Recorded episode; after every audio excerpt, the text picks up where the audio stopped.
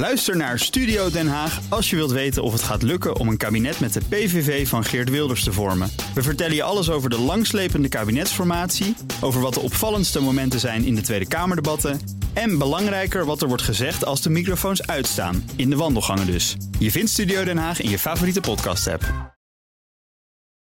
Je wilt het beste voor je organisatie en dat is soms best een uitdaging. Met AVAS stroomlijn je al je bedrijfsprocessen. Zoals facturatie, payroll, maar ook je inkoop. En dat allemaal in dezelfde applicatie. Zo weet je met één hoe je ervoor staat. En hou je meer tijd over voor echt belangrijke zaken. AVAS Software, speciaal voor jouw organisatie. BNR Nieuwsradio. BNR breekt. Ivan Verrips. De invoering van een avondklok is het bewijs van falend coronabeleid. Welkom bij BNR Breekt. En dat is ons breekijzer van vandaag. Bel dus nu 020 468 4 keer 0 Dan spreek ik je zo meteen hier live op BNR. 020 468 4 keer 0 En wie niet hoeven te bellen, dat zijn mijn panelleden van vandaag. De ene zit rechts van mij, Lau Muns. Die is voorzitter van de Landelijke Studentenvakbond. Voormalig voorzitter van Dwars, de jonge organisatie van GroenLinks. En... Jarig vandaag? Dankjewel. Gefeliciteerd. Niet jarig vandaag is Emma Mouthaan, maar ze is wel bij ons. Zij is van het blog Skeren Student met allerlei financiële en beleggingstips voor studenten. Goedemorgen, Emma. Goedemorgen. Wanneer ben jij jarig? 29 juni, dus uh, dat duurt nog even. Ja, ik hoop wel voor jou na de lockdown. Dat zal wel fijn zijn. Kan tenminste. Uh, het is de Oh, ochtend uh, na ook. de persconferentie van gisteravond. Nou, um, laten we maar eerlijk zijn. Weinig positiefs te melden. En daarin kwam het gevreesde woord avondklok meerdere malen aan bod. Het OMT zegt niet deze week, je moet de avondklok invoeren. Hun advies is, bekijk dat serieus. En wij hebben nu vandaag het kabinet gezegd... dan hebben we ook een aantal aanvullende vragen aan het OMT. Over de effectiviteit daarvan. We willen ook precies in kaart brengen... wat we kunnen achterhalen van de lessen uit landen als Oostenrijk, Frankrijk, België. Sommige delen van Duitsland hebben zo'n zo'n uh, avondklok. Om te zien wat daarvan de effecten zijn. Je ziet bijvoorbeeld in België, in Antwerpen... een uh, aantal maanden geleden, dat dat toen echt een indrukwekkende bijdrage heeft geleverd, lijkt het aan het terugdringen van de besmettingen. Dus dat willen we precies in kaart brengen. Ja, blijft dus bij een waarschuwing. Althans, dit is iets wat we eigenlijk al maanden horen. Een soort lichte dreiging misschien. Een uh, spoedadviesaanvraag bij het OMT. En dan moet het kabinet gaan adviseren of die avondklok er nou echt gaat komen of niet. Nou, dat is dus ook ons breekijzer waar je op kunt reageren. De invoering van een avondklok is het bewijs van falend coronabeleid. Bel 020 468 4 keer 0 en laat van je horen. 020 468 4 keer 0 Ik heb ook uh, Arnold Bosman uh, nu bij me. Die is epidemioloog, lid van het Red Team. En uh, daarmee adviseren zij ongevraagd het kabinet... als het gaat om het coronabeleid. Goedemorgen, Arnold. Goedemorgen. Eerst maar even jouw reactie op het breekijzer. Een avondklok, dat is ja, het bewijs van falend coronabeleid. Nou ja, dat, zou je zo kunnen zeggen, maar op zich niks bijzonders, want we zitten in een pandemie. Dus uh, daar moet je maatregelen nemen waarvan je nooit zeker weet of ze goed werken. En één ding kan je nu zeggen: de maatregelen die er nu zijn, die werken niet goed genoeg. Uh, het gaat nu pas heel langzaam omlaag. Um, terwijl de maatregelen al veel langer zijn, uh, zijn ingezet. En dat betekent dus dat je ja, goed vooruit moet denken. En dit is een van de opties. Uh, daar zit niemand op te wachten natuurlijk. Dat, uh, dat zei het kabinet ook. Maar ja, dat hoort helaas bij de, de pijn van een pandemie, vrees ik. Ja, maar dit is iets wat we al maanden horen. We hebben andere Europese landen die, die al wel die avondklokken of nu hebben of hebben gehad. Bij ons wordt het een soort van, ja, als een soort stinkende worst voorgehouden. Die we allemaal niet willen. Maar het wordt nu als een soort dreiging ingezet. Waarom niet gewoon invoeren dan? Want ja, dat, als het werkt, waarom niet? Ja, dat, dat, dat zou je echt aan het kabinet moeten vragen. Dat weet ik niet. Want uh, ik, ik begrijp wel dat het in het advies zat van het OMT. Hè, dus die, die hebben daar zeker ook wel uh, redenen voor. En je ziet ook in landen om ons heen dat ze naar dat middel grijpen. Uh, ook omdat ze waarschijnlijk met de rug tegen de muur staan en geen andere mogelijkheden hebben. Maar waarom het, het kabinet dat niet meteen heeft overgenomen en eigenlijk nog meer informatie vraagt of onderbouwing van ja, wat is nou precies het effect? Ja, dat, dat kan ik alleen maar raden, maar dat weet ik niet. Ja, reageer op ons breekijzer. Bel naar 020 468 4 keer 0 De invoering van een avondklok is het bewijs van falend coronabeleid. Emma, hoe zien jouw avonden er nu uit vanaf uh, nou, pakken beet een uur of acht? Uh, nou ja, eigenlijk al sinds het begin van de lockdown thuis gewoon. Oh, dus jij zit al in, uh, in een avondklok eigenlijk? Ja, ja, ja. Ik, uh, ja. De kroegen zijn natuurlijk best wel snel dichtgegaan. Dus afgelopen zomer heb ik nogal af en toe een terrasje gepakt of zo. Of weet je wel, gewoon uit eten met vriendinnen. Maar um, ja, huisfeestjes en zo, daar, daar ga ik echt niet naartoe. Nee. Dus um, ja. Lyle, jij bent jarig vandaag. Um, nou, dat is dan dus gezellig uh, op de bank met een blokje kaas en uh, een beetje worst en zo. Ja, ja daar, daar houdt het een beetje bij. Ja, dat was natuurlijk al zo. Maar een, zou een avondklok er iets aan veranderen aan jouw leven nu? Um, nou ja, ik, ik, ga soms nog wel, als het om acht uur zou zijn, dan, dan wel, denk ik. Ik ga soms nog wel naar de winkel toe, bijvoorbeeld. Als ik nog uh, zin heb in een snack of een uh, wandeling maken. Ik, ik, ik, maak soms ook wat lange dagen, dus dan heb ik toch uh, behoefte aan een frisse neus, ja. neus avonds. Dus op die manier zou het wel impact kunnen hebben. Ja. en ik, ik, vraag me ook al af in welke mate het effectief zou willen zijn. Hè. Ik, ik, hoorde gisteren ook mensen praten over de ervaring in Londen. En nou, er is een heftige avondklok, maar die zeiden eigenlijk ook met zoveel woorden... als je gewoon naar buiten komt na die tijd van die avondklok... nou, de kans is toch wel heel erg klein dat je aangehouden wordt en ook een boete krijgt. Ja wat gaat het zo meteen betekenen als inderdaad dan iemand na acht uur uh, op de straat loopt en dan uh, krijg je dan een boete van 100 euro. En dan is er een paar weken later een minister die doet hetzelfde en dan gaan we de boete weer verlagen of intrekken. Dus ja, ik vraag me een beetje af in welke mate zo'n maatregel echt effectief kan zijn. Ja. We gaan het vragen ook aan onze luisteraars. Jan, goedemorgen. Ja, goedemorgen. Ik spreek met Jan. Zeg het maar. Ik, ehm, ja, ik, ik vond het eigenlijk ook een falend beleid zoals er heel veel dingen uh, falend zijn in het beleid van, uh, van de ministers over het coronabeleid. Ik, ik vind dat het, uh, het is een ernstig iets, de corona-dingen. Ik, ik weet dat het er is en dat er heel veel mensen ziek van worden. Ja. Maar er zijn heel veel dingen, als je nu weer een avondklok gaat doen, dan ga je ook weer mensen nog weer banger maken. Je gaat mensen nog weer gestrester maken, dat ze niet eventjes rustig buiten kunnen wandelen. Het is het gezondste, de, de lucht inademen is gezond. Ja. En, en eh, als je dan uh, allerlei maatregelen hoort, je hoort niemand in het kabinet zeggen van neem voldoende vitamine D, neem een zinktablet, wat heel gezond is. Maar als zo'n en... avondklok helpt om, het, uh, om de verspreiding van het virus tegen te gaan, dan is het misschien toch wel gerechtvaardigd. Of gaat het echt te ver voor jou? Nou, dat gaat echt te ver voor mij. Kijk, we, we, we worden echt, echt bang gemaakt. van elke keer, elke dag wordt er gezegd van 75 doden, 80 doden, gemelde doden. Daar blijkt alleen al uit dat dat al een leugen is, omdat de, de gemelde doden zijn, er zijn de verkeersslachtoffers, alles zit erbij. Dus, dus eh, we worden heel bang gemaakt. En, en over het jaar 2020 waren er 1295 doden meer als in 2019. Dus als je dan allemaal hoort van 300 eh, doden, 400 eh, doden... Ja. dan denk ik bij mezelf, waarvoor moeten we zo bang gemaakt worden? We moeten goed de afstand bewaren, ja. dat is belangrijk. En, en, en als we ziek zijn, blijf dan thuis.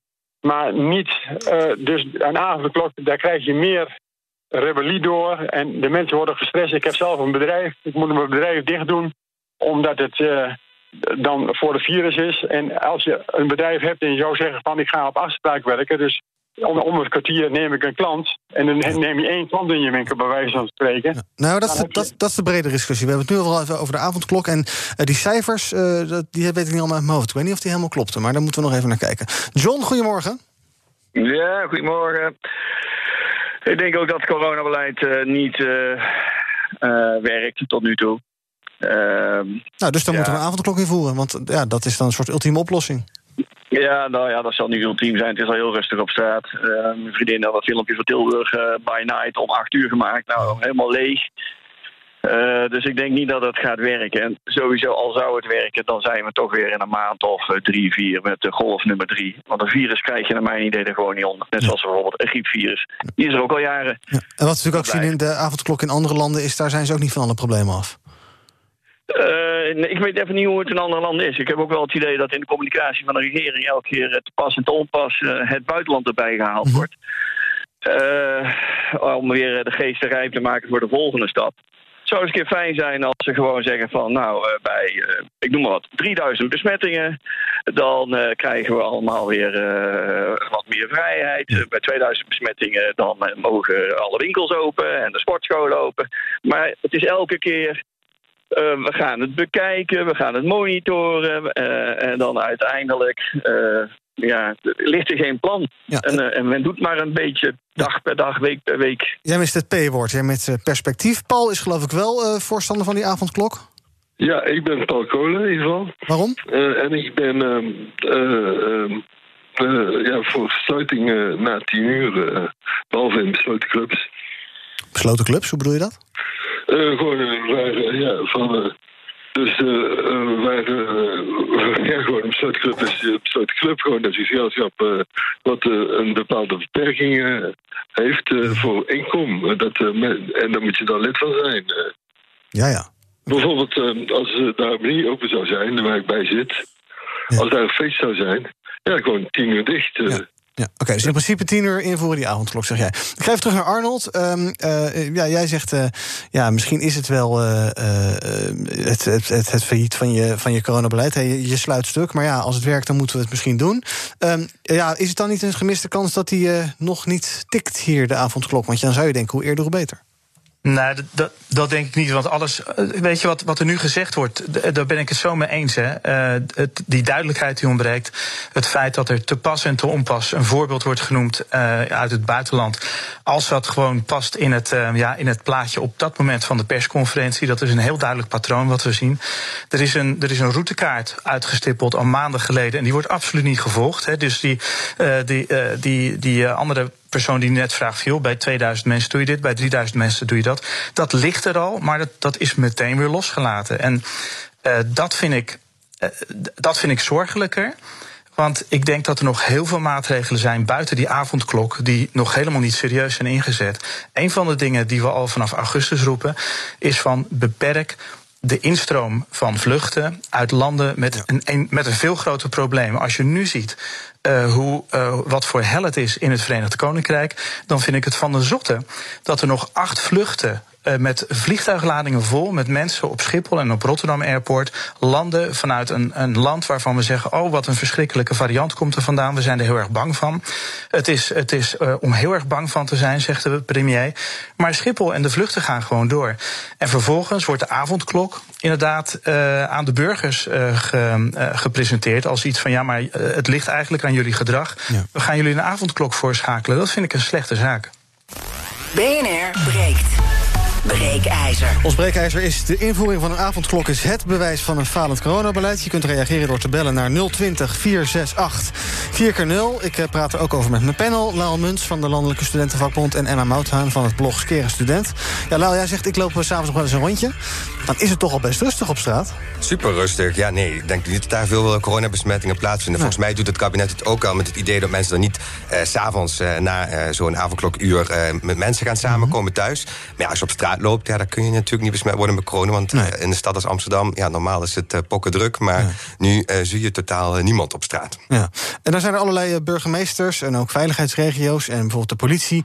Die willen hem niet. luister even mee naar Jan Struis van de Nederlandse Politiebond. Die denkt dat zo'n avondklok onmogelijk te handhaven is. Nee, dat is, dat is heel moeilijk handhaafbaar. Dat geven politiemensen ook massaal aan. Daar hebben we gisteravond ook over gesproken om dat te adviseren. Uh, nogmaals, wij kijken natuurlijk vanuit veiligheidsperspectief. Maar uh, je moet je voorstellen, je hebt te maken met een 24 uurs uh, economie. Wie ga je wel en niet controleren? Er werken mensen in raffinaderijen, er werken mensen in zorg, er werken mensen, nou noem maar, maar op. dus de politie, nou, die loopt al op zijn, op zijn tandvlees. Hè, dus we kunnen nauwelijks de roosters rondkrijgen. En als je dit heel effectief wil monitoren en ook nog eens controleren, nou, dat is, uh, dat is bijna niet te doen. Nou, Emma, avondklok of niet, je kan gewoon de straat op hoor, maakt niks uit. ja, ik, ik ben wel benieuwd hoe ze dat gaan doen met het handhaven. Ja. Want dat lijkt me best wel lastig. En uh, ja, volgens mij is er vanuit de politie ook niet heel veel draagkracht voor om, uh, nee. om dit actief te gaan handhaven. Dus. Nee, dat hoorden we net. Maar zou het uitmaken? Want je hebt bijvoorbeeld ook nu de mondkapjesplicht. Uh, maar stel dat jij naar de winkel gaat en je doet geen mondkapje op, ja, dan kan je geweigerd worden. Maar het is niet zo dat er een politieinval komt als jij met je zonder mondkapje bij de Albert Heijn loopt. Misschien schrikt het mensen wel een soort preventief af. Dat, dat er toch een heel wat mensen dan alsnog toch wel thuis blijven. Ja, ik denk dat het misschien ook vooral um, ja, mensen weer even aan helpt herinneren van... oh, het is misschien niet heel verstandig om op dezelfde dag uh, bij drie mensen op bezoek te gaan. En uh, weet ik veel, ook al mag je dan twee mensen op bezoek te hebben... er zijn toch mensen die dan uh, ja, meer dan twee mensen op bezoek hebben. -hmm. En dat er op die manier gewoon ja, wat duidelijker wordt dat het wel echt iets is waar we rekening mee moeten houden. En dat corona nog niet voorbij is, ook al komt er een vaccin aan. Ja. Ik ga even een rondje bellers doen. Uh, Ronald Donders die vindt ons geloof ik iets te negatief. Hey, met, uh, met Ronald. Je vindt iets te negatief, denk ik, hè, over het beleid? Ja, ik ben ze niet zo negatief. Ik denk dat we het best goed hebben gedaan. Uh, stel dat we uh, niets hebben gedaan, hoeveel besmettingen zouden we dan hebben? Hè? Dus, dus, dat vraag ik me dan altijd af. Uh, ik, ik, denk wel dat, uh, ja goed, ik, ik ben tegen trouwens de, avondklok. Ik vind, daar, daar zie ik ik bedoel, ik zie dat geen nut hebben. Ik woon zelf in een kleine gemeente. Daar, daar, is sowieso niemand na acht uur op, op straat. Ja. Uh, wat ga je doen met mensen die de hond uitlaten s'avonds? Ja. ja, het, het, het, het, effect die het gehad heeft in, in andere landen. Ja, ik bedoel, nou, dat kan wel best zijn, maar zijn wij cultureel te vergelijken met iemand in Parijs of, of in Antwerpen? Goeie vraag dat is een, een helemaal ander verhaal. Ja, wat, dus... wat, denk je zelf? Zijn wij, ja, het zijn toch, wij hechten toch wel aan onze vrijheden in dit land, hè? Nou, ik denk dat, uh, dat andere landen dat ook doen. Ja. Uh, ik, ik woon zelf in een, aan de grens, de Belgische grens.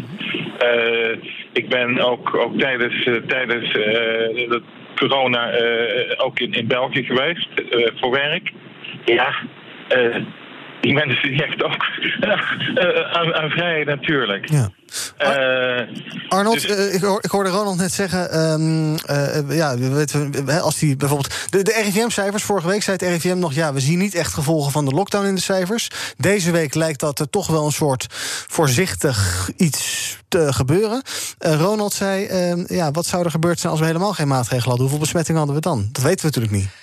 Nou, dan, dan denk ik dat je, dat je tussen de Italiaanse en de huidige Engelse toestanden in zou zitten. En dat, uh, dat heeft het RIVM gisteren ook in een, in een interview gezegd. Dat, dat is denk ik wel iets wat je overal ter wereld ziet. Uh, in, in Amerika, in de Verenigd Koninkrijk, in, uh, in het begin in Italië. In landen waar, waar niet of waar te, te slecht wordt gereageerd of te, te laat.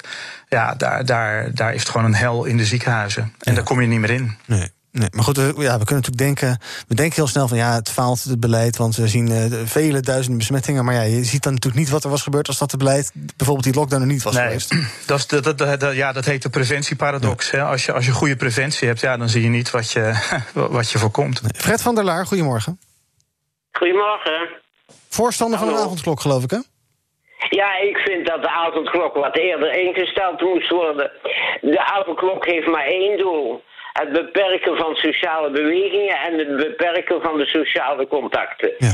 En je ziet gewoon, dit is een longaandoening veroorzaakt door um, uh, een, een zoonose. Het is afkomstig van dieren en dat heeft zich gemuteerd en is ontvangen door mensen en die mensen geven het allemaal aan elkaar door. En dus je moet die sociale contacten ernstig beperken en uh, de uh, avondklok heeft maar één doel, uh, de mate van urgentie aangeven. Ja. De lichten staan op rood. En wat de politie betreft, die handhaaft nu al alleen op excessen. Ze hebben dus vorig weekend 31 of 33 illegale feestjes uh, beëindigd. Maar er zijn veel meer feestjes georganiseerd. Ja. Die doen hun werk alleen op basis van excessen. Dus de politie moet zich daar niet zo druk om maken. Iedereen weet als de avondklok is ingegaan, als je met je hondje gaat wandelen wat die moet poepen, dan, dan laat die hond maar poepen, want dat is ook een mate van urgentie. Ja. Dus uh, daar is niks aan de hand. Nee, en, en, jij zegt, de, de, avondklok geeft een gevoel van urgentie. Bij veel mensen doet ja. het ook een gevoel van uh, nou, een beetje oorlogse omstandigheden aan. Dat, dat vinden mensen ook een naar, naar idee. Ja, we zijn in oorlog met een virus ja. dat afkomstig is van dieren. Ja. En die dieren zaten waar dode dieren op een markt ergens in Wuhan. Mm. Maar wat u niet weet is dat er weer een nieuw virus afkomstig is vanuit China. En dat wordt nu stilzwijgend uh, onder de tafeltjes geveegd, oh. of onder het kleedje. Ja. En dat is het Nipah-virus. Ja. Dat is ook al onderweg. Ja. De WHO, een delegatie daarvan, van de World Health Organization, een deputatie, is onderweg naar China. Die wordt ontvangen door de president van China. Ja. Ja, ik weet dus, dus er is weer een, een dierziekte onderweg. Ja, dus jij maakt je daar grote zorgen om. Ik snap het. En wat jij zegt, Fred, is helemaal waar. Het gaat natuurlijk om het beperken van sociale contacten.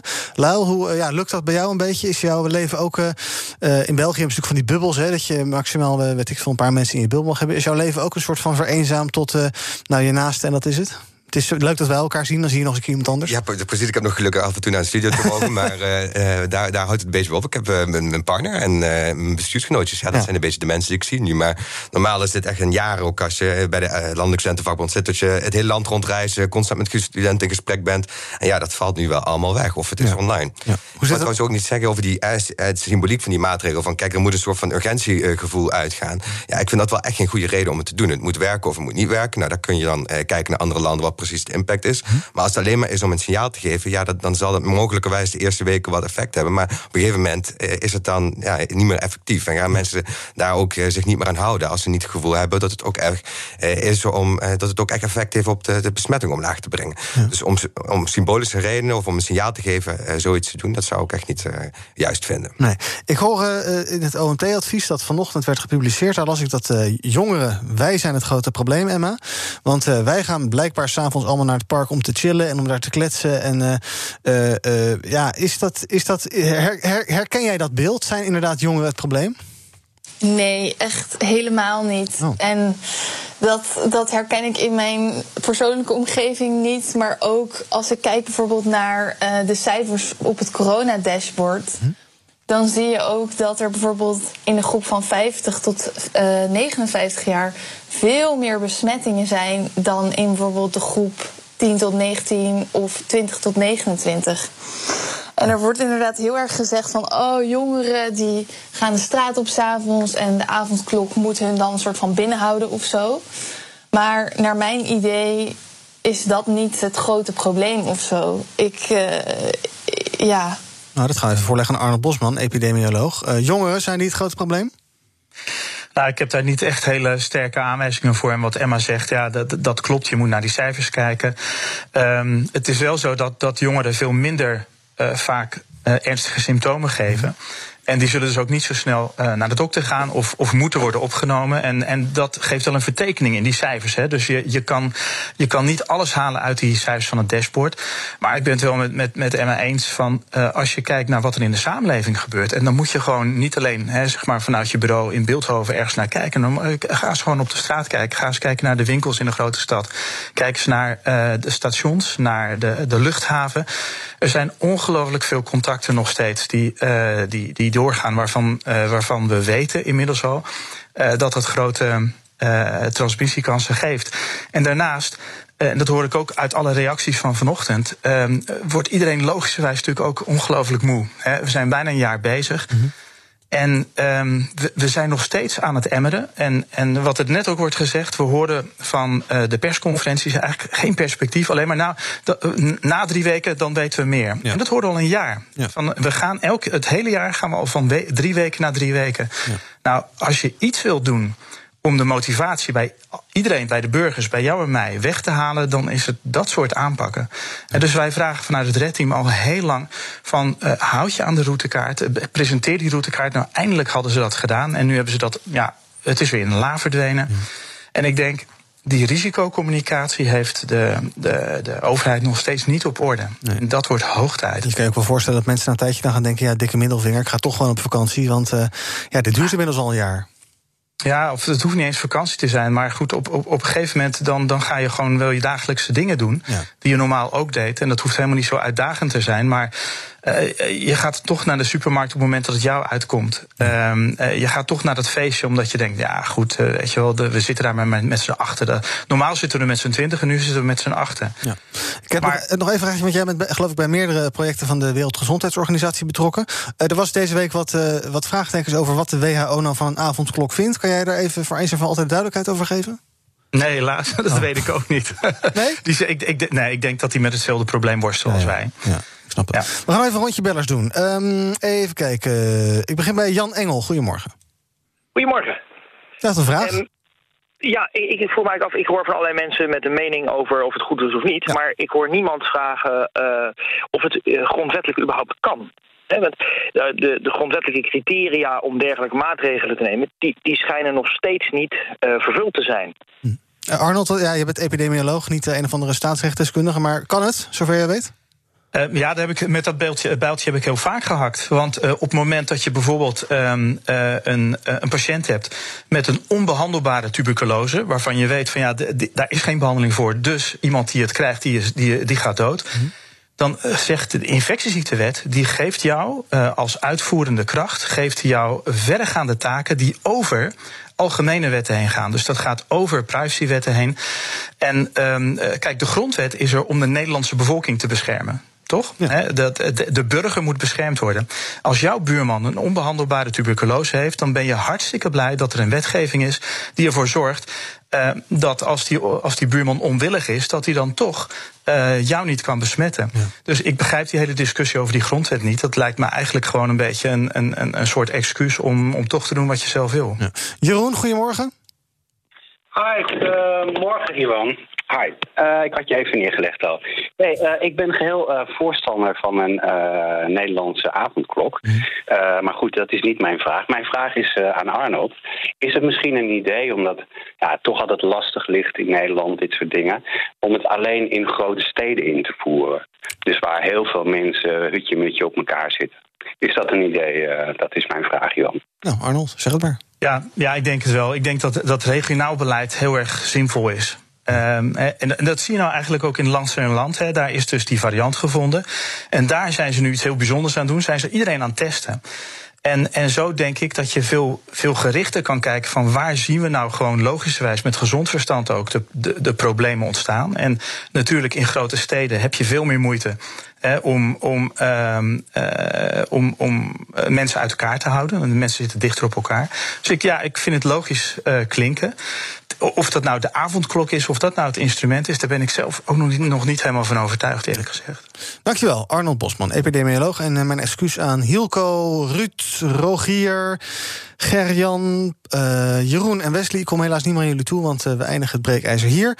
Uh, BNR breekt, stopt niet. Wij gaan zo meteen door. Dan gaan we onder andere praten natuurlijk met Lau en Emma over narco-staat Nederland.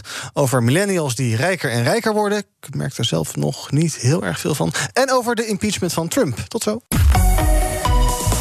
BNR Nieuwsradio.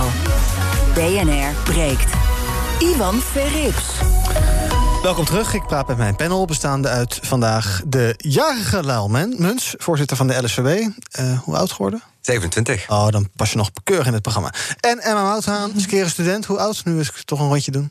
25. Oh, dan ben ik weer de oudste. Leuk dit. Ja. En uh, we gaan jullie nieuws van de dag doornemen. Lyle, wat is jou opgevallen in de nieuwsapps, in de kranten, bij de NOS, nu.nl, waar je ook kijkt? Ja, nou, ik denk dat we het ook uh, even moeten hebben over de basisscholen. Daar ging natuurlijk gisteren over in de persconferentie. Zeker.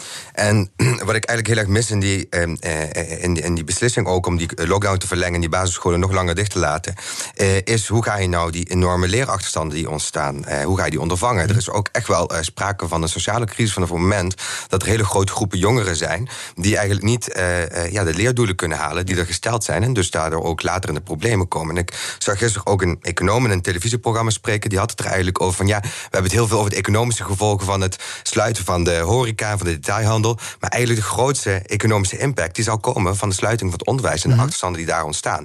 Uh, en dan betekent niet meteen dat je ze dan maar moet opengooien, of dat we moeten doen alsof corona niet bestaat. Maar wat gaan we doen bijvoorbeeld met het extra inzetten van bijlessen? Hoe gaan we ervoor zorgen dat elke leerling ook goed uh, studiemateriaal thuis heeft? Ja, daar moet echt uh, een visie op komen, kabinet. Ja. En net zo goed als je bedrijven compenseert voor inkomensverlies, zou je eigenlijk ook moeten gaan kijken hoe kun je de scholen ondersteunen om de leerachterstanden uh, te gaan inhalen. Ja, en je zegt dat, is, dat wordt het grootste, ook economische verlies. verlies. Dat is natuurlijk niet iets wat je vandaag of morgen merkt. Maar nee, dat ga je merken over 10, 15 jaar bij wijze van spreken. Precies, ja, eigenlijk is het nog het meest gemene deel van de uh-huh. crisis. -huh. Want op een gegeven moment hebben we natuurlijk een groot deel van de bevolking gevaccineerd. Hopen we ook dat we enigszins gezond uit die crisis kunnen komen. Uh, maar dan komt er nog een hele, ja, de, de effecten, de naweeën van zo'n sociale crisis. Ja. Vanaf het moment dat heel veel leerlingen niet fatsoenlijk naar school zijn kunnen gaan, dan ontstaat er kansenongelijkheid. Ja, dat is iets uh, waar de samenleving nog heel lang een impact van zal voelen. Ja. Dan moet je wel echt uh, preventief, ook als kabinet, eigenlijk maatregelen erop nemen om ervoor te zorgen dat de leerachterstanden zo meteen zo klein mogelijk zijn. En dat zijn ook echt de studenten van morgen, hè, de mensen die nu op de middelbare school zitten en op de basisscholen. Dus ook in het hoger onderwijs gaan we hier nog lang de impact van voelen. Ja, en jij bent voor voorzitter van LSVB. Dus welk idee heb je zelf over ja, het, uh, het tackelen van die problemen en het uh, beperken, zoveel mogelijk beperken van achterstanden bij leerlingen en studenten? Ja, nou als het over leerlingen gaat, zul je moeten gaan kijken die bijlessen. Dat is nu vaak geprivatiseerd. Dus dat betekent dat als je rijke ouders hebt, dan kun je dat veroorloven, dan kun je die leerachterstanden inhalen. Maar dat zijn natuurlijk net de kinderen die eigenlijk sowieso al ouders hebben die ze goed kunnen ondersteunen. Mhm. dus je moet eigenlijk kijken hoe kun je dat voor een bredere groep toegankelijk maken. Sowieso echt een prioriteit zetten bij het onderwijs vanaf het moment dat er weer meer ruimte is om uh, open te gaan. Want dat is natuurlijk uiteindelijk de beste manier om het tegen te gaan. En als ik kijk naar studenten, uh, ja, studenten die hebben in deze lockdown amper een rustige studieruimte. Ze zitten op een handvol vierkante meter. Moeten ze de ene naar de andere dag van de ene naar de andere Zoom-call gaan. Op een gegeven moment ja, zit je hoofd ook vol. Ik word ook gek van al die online vergaderingen. dus daar zeggen wij wel van ja, het minste dat je kunt doen is in ieder geval zorgen dat ze rustige studieplekken hebben. Ja. Dus dat, dat, mag nu ook al op de onderwijsinstelling. Maar dat zijn er eigenlijk veel te weinig. En je wilt ook liever niet dat studenten naar onderwijsinstellingen uh, reizen. Dus waarom ga je dat niet organiseren thuis in de gemeente? Zodat ze in ieder geval een plek hebben om rustig te studeren. En zodra het open kan, zodra er een klein beetje ruimte is, ja, dan moeten we ook onderwijs de prioriteit geven. Want het is gewoon hetgeen waar we nog langst last van zullen hebben vanaf het moment dat die coronacrisis voorbij is. Ja. Emma, hoe zit het met jouw uh, leven lang leren doelstellingen en onderwijservaringen?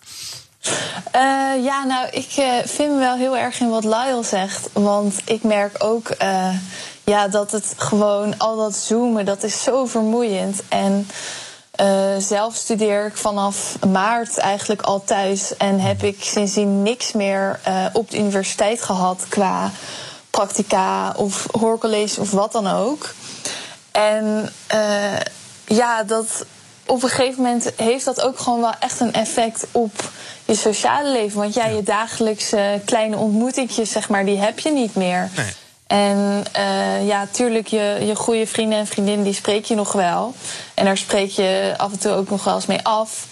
Maar dat is toch wel echt anders dan. Uh, als je gewoon naar de universiteit kan. Ja, dus het is ook een sociaal aspect. En qua, ja. uh, qua, qua het, het, het, leren zelf, heb je het idee dat je inderdaad nu achterstanden oploopt doordat er geen hoorcolleges zijn en dat soort zaken?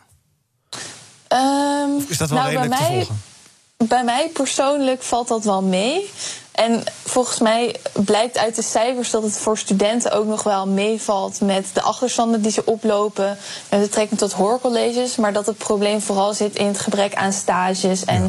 bijvoorbeeld afstudeerprojecten die niet door kunnen gaan. Of uh, dat soort dingen, zeg maar. Dat het meer de praktische dingen zijn die niet door kunnen gaan. Ja. En maar wat viel jou op in het nieuws? Um, nou, iets wat ik voorbij zag komen op het FD. Ging over um, ja, de grootste vererving uh, tot nu toe van babyboomers naar uh, hun kinderen, millennials. Ja. En wat ik daar vooral heel erg opvallend aan vond, was dat uh, 60% van de ervingen, zeg maar, heeft. of 60% van de mensen die een erfenis krijgt, krijgt gemiddeld ongeveer een ton. En 40% krijgt weinig tot helemaal niks. Mhm. En um, nou ja, we zijn natuurlijk, uh, tenminste, naar mijn idee, wordt uh, ja, het verschil tussen de, ja, het vermogen en uh, ook de welvaart tussen groepen in Nederland steeds groter. Ja. Dus ik ben ook heel erg benieuwd hoe dit daaraan gaat bijdragen. En wat, ja, zeg het zelf maar. Ja, nou, ik denk dat het, dat het een negatief effect zal gaan hebben. Daar ben ik bang voor. Want ja. ja, een ton gemiddeld, dat betekent dus dat er ook nog veel grotere bedragen bij zitten. Mm-hmm. En dat is dus 60% is iets meer dan de helft. Maar dus 40% krijgt gewoon weinig tot niks. Ja. En ja, als je op die manier zo erg wordt geholpen. Uh, ja, dat geeft gewoon een heel groot verschil tussen of jij bijvoorbeeld wel een huis kan kopen of dat je moet blijven huren. Ja. En om maar iets te noemen. Precies, en die mensen die veel krijgen, die zullen het waarschijnlijk toch al wel goed hebben. Dus zou je dan pleiten voor ja, uh, herverdelingsmechanismes of iets dergelijks? En hoe dan? Of wordt het nu heel technisch en gedetailleerd? um, nou, dat vind ik wel lastig, want ja, ik neem aan dat de meeste babyboomers er ook wel voor hebben gewerkt voor dat geld. Dus om het zomaar af te pakken, zou ik ook niet eerlijk vinden. Nee. Maar um, er, om het gewoon maar zo te laten gebeuren, lijkt me ook geen goede oplossing. Nee. Heb jij ideeën over?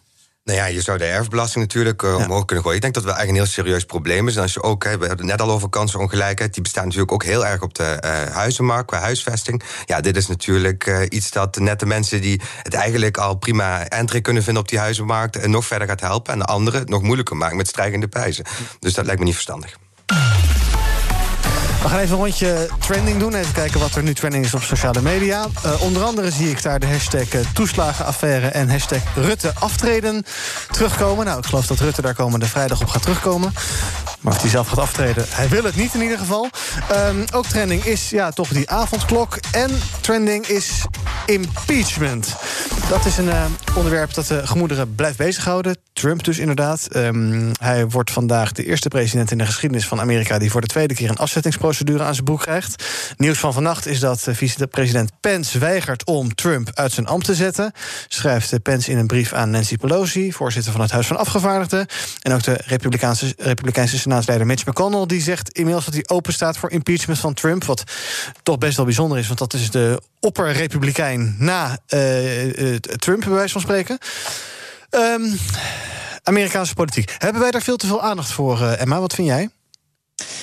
Nou, we hebben er wel veel aandacht voor, maar ik weet niet of het te veel is. Want hm. ondanks dat Amerika natuurlijk uh, ja, hun macht in de wereld wel een beetje aan het afnemen is, zijn ze nog steeds wel uh, de grootste democratie ter wereld, denk ik. Is toch dus, India? ja, ja, ja. Anders de machtigste in ieder geval. Ja. Ja. Ja, maar wat vind jij dat uh, zou Trump voor, voor, vroegtijdig weg moeten? Er zijn nog zeven dagen over, dan, dan wordt uh, Biden geïnaugureerd. Wat voor zin heeft het nou als ze dat hele, hele circus gaan optuigen om hem uh, weg te krijgen of af te zetten? voor zover ik weet, dacht ik dat het was zodat hij niet nog een termijn mm -hmm. aan kon gaan. Dus dat hij zich niet herverkiesbaar kon stellen over vier jaar. Ja. Dat dat vooral de reden was om nu ja, die impeachment procedure toch door te zetten. Ja, je dat, ben je daar voorstander van? Of zeg je nou, het is natuurlijk gewoon democratie. Als we, als we over vier jaar weer op Trump willen stemmen, ja, dan moeten die Amerikanen het lekker doen. Uh, nee. Oh. ik denk wel dat het een goed idee is als, uh, als hij wil worden afgezet. Ik denk dat er zoveel is gebeurd in zijn ambtstermijn wat gewoon niet door de beugel kan. Mm -hmm. En uh, ja, die bestorming van het kapitool en de rol die hij daarin heeft gespeeld, is eigenlijk nog maar een heel klein onderdeel daarvan. Ja, maar dan moet dus geregeld worden inderdaad dat hij dan geen publieke functies meer kan bekleden. Zou je daar voorstander van zijn, Lau? Nou ja, ik denk het wel. Je zegt net, uh, dat is toch democratie, dus mensen kunnen over vier jaar nog eens een keer beslissen. Maar ja, dit is nou net een president geweest die mm. eigenlijk uh, totaal geen respect heeft voor de democratische rechtsorde. En sterker nog, dat heeft proberen te ondermijnen. En ja, ik denk dat we toch eigenlijk ook al kunnen kijken, als we kijken naar hoe hij zijn vicepresident onder druk heeft gezet om de verkiezingsuitslag niet te erkennen. Hoe hij ook uh, rechters onder druk heeft gezet of mensen van de electoral colleges om een andere uitslag te bewerkstelligen.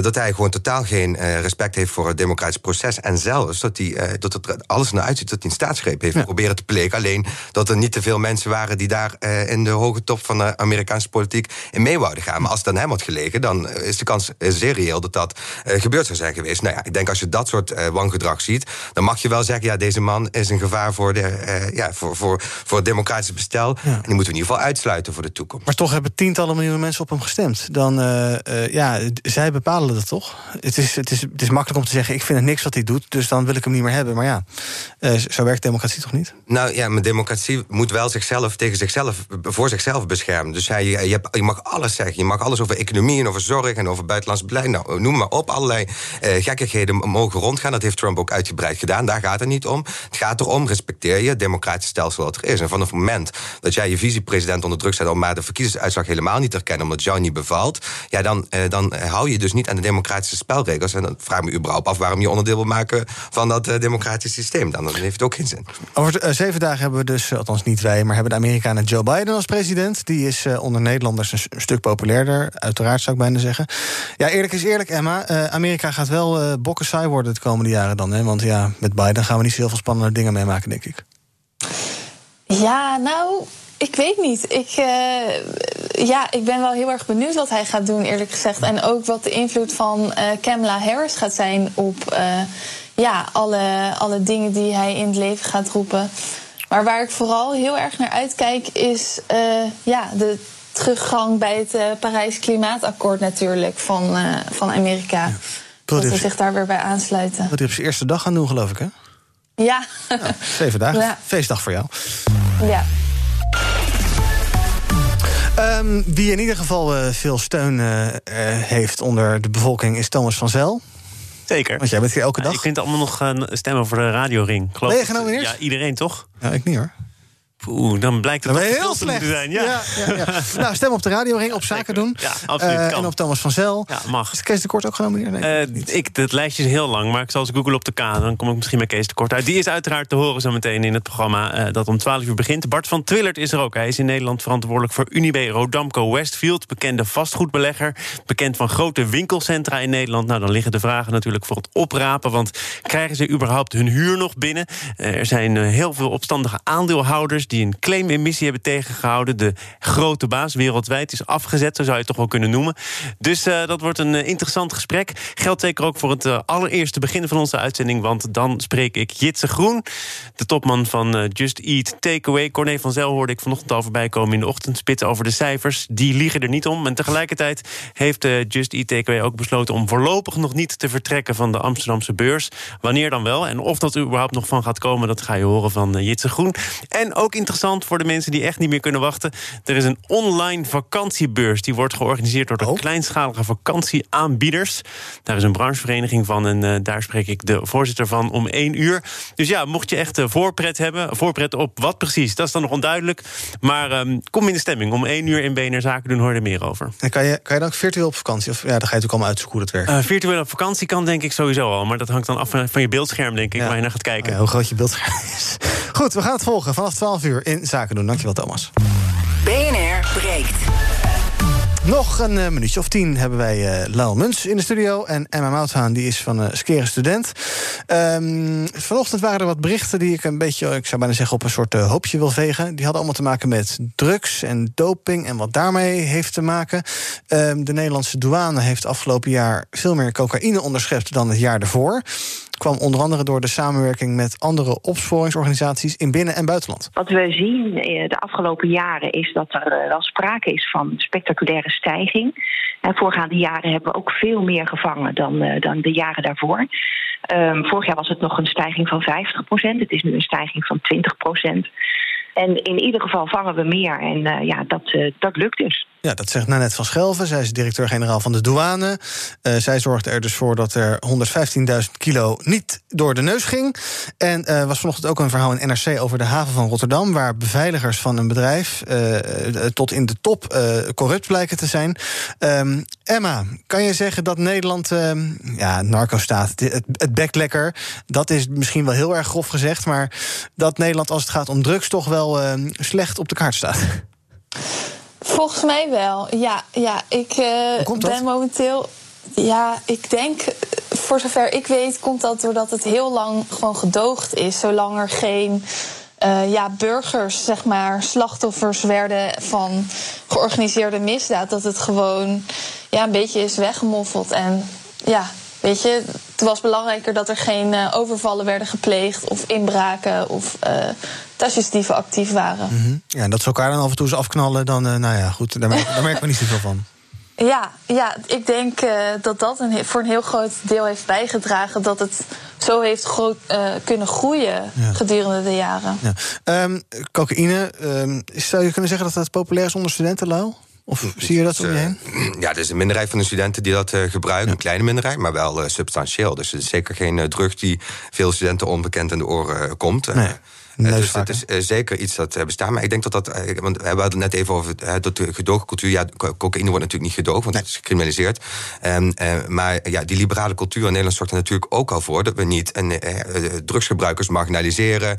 Eh, we weten ook als je criminaliseert bijvoorbeeld dat dat ertoe leidt dat er eh, veel, meer, veel meer gezondheidsschade is, dat er veel meer verslaving optreedt, dat je als overheid veel minder toegang hebt, dat degene die je eigenlijk wil helpen om van zijn problemen af te komen, eh, als er eh, eh, eh, sprake is van problematisch gebruik.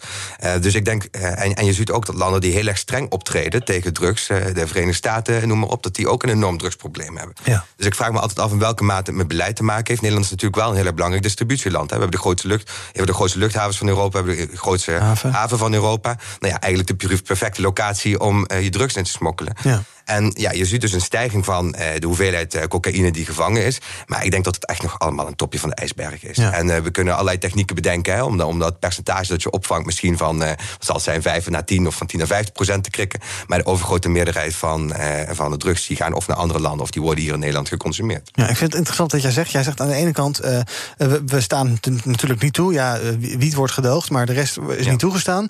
Maar het wordt misschien ook niet keihard aangepakt. En dat is ook wel weer goed, want daardoor heb je ook wel meer zicht op wie dat dan gebruiken. En kan je die mensen hulp verlenen. En hoe, hoe, hoe valt die weegschaal dan uit voor jou? Hoe moet je hiermee omgaan? Nou, er zijn, eh, als het gaat over keihard aanpakken, kun je over twee groepen hebben. Je kunt over de drugsgebruikers hebben, dat moet je sowieso nooit doen. hè. Je ziet echt in de Verenigde Staten dat daar enorme drama's opgeleverd zijn. Met eh, miljoenen, miljoenen mensen in de gevangenis, et cetera. Vaak ook van bepaalde bevolkingsgroepen. Nou, allerlei grote sociale problemen. Dus drugsgebruikers kun je nooit eh, criminaliseren, want dat, heeft, dat, dat ontwaakt een sociale crisis in een land. Eh, als het dan gaat over de producenten, ja, da- daar is het beleid van die criminaliseren we wel. Alleen daar kunnen wij, om, omdat er zo'n grote vraag is over de hele wereld, ook hier in Nederland, kunnen we daar maar geen grip op eh, krijgen.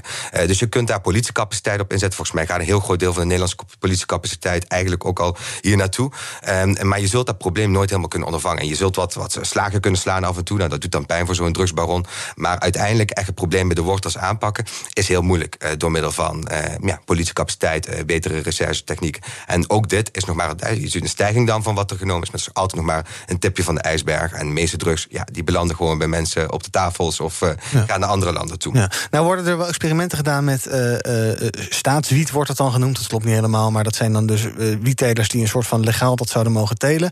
Ik las gisteren een bericht dat er in Utrecht ook een, een gemeenteraadslid is dat voorstelt om een soort ja, gedoogbeleid met cocaïne-achtige proefjes, testjes te gaan doen. Ehm, Emma, zou jij dat zien zitten, staatscocaïne? Terwijl ik het zeg, denk ik ook, het is een heel raar voorstel. Ja, ik weet niet precies wat het voorstel was. Maar eh, wat Lyle zegt over dat je gebruikers niet moet criminaliseren, daar ben ik het helemaal mee eens.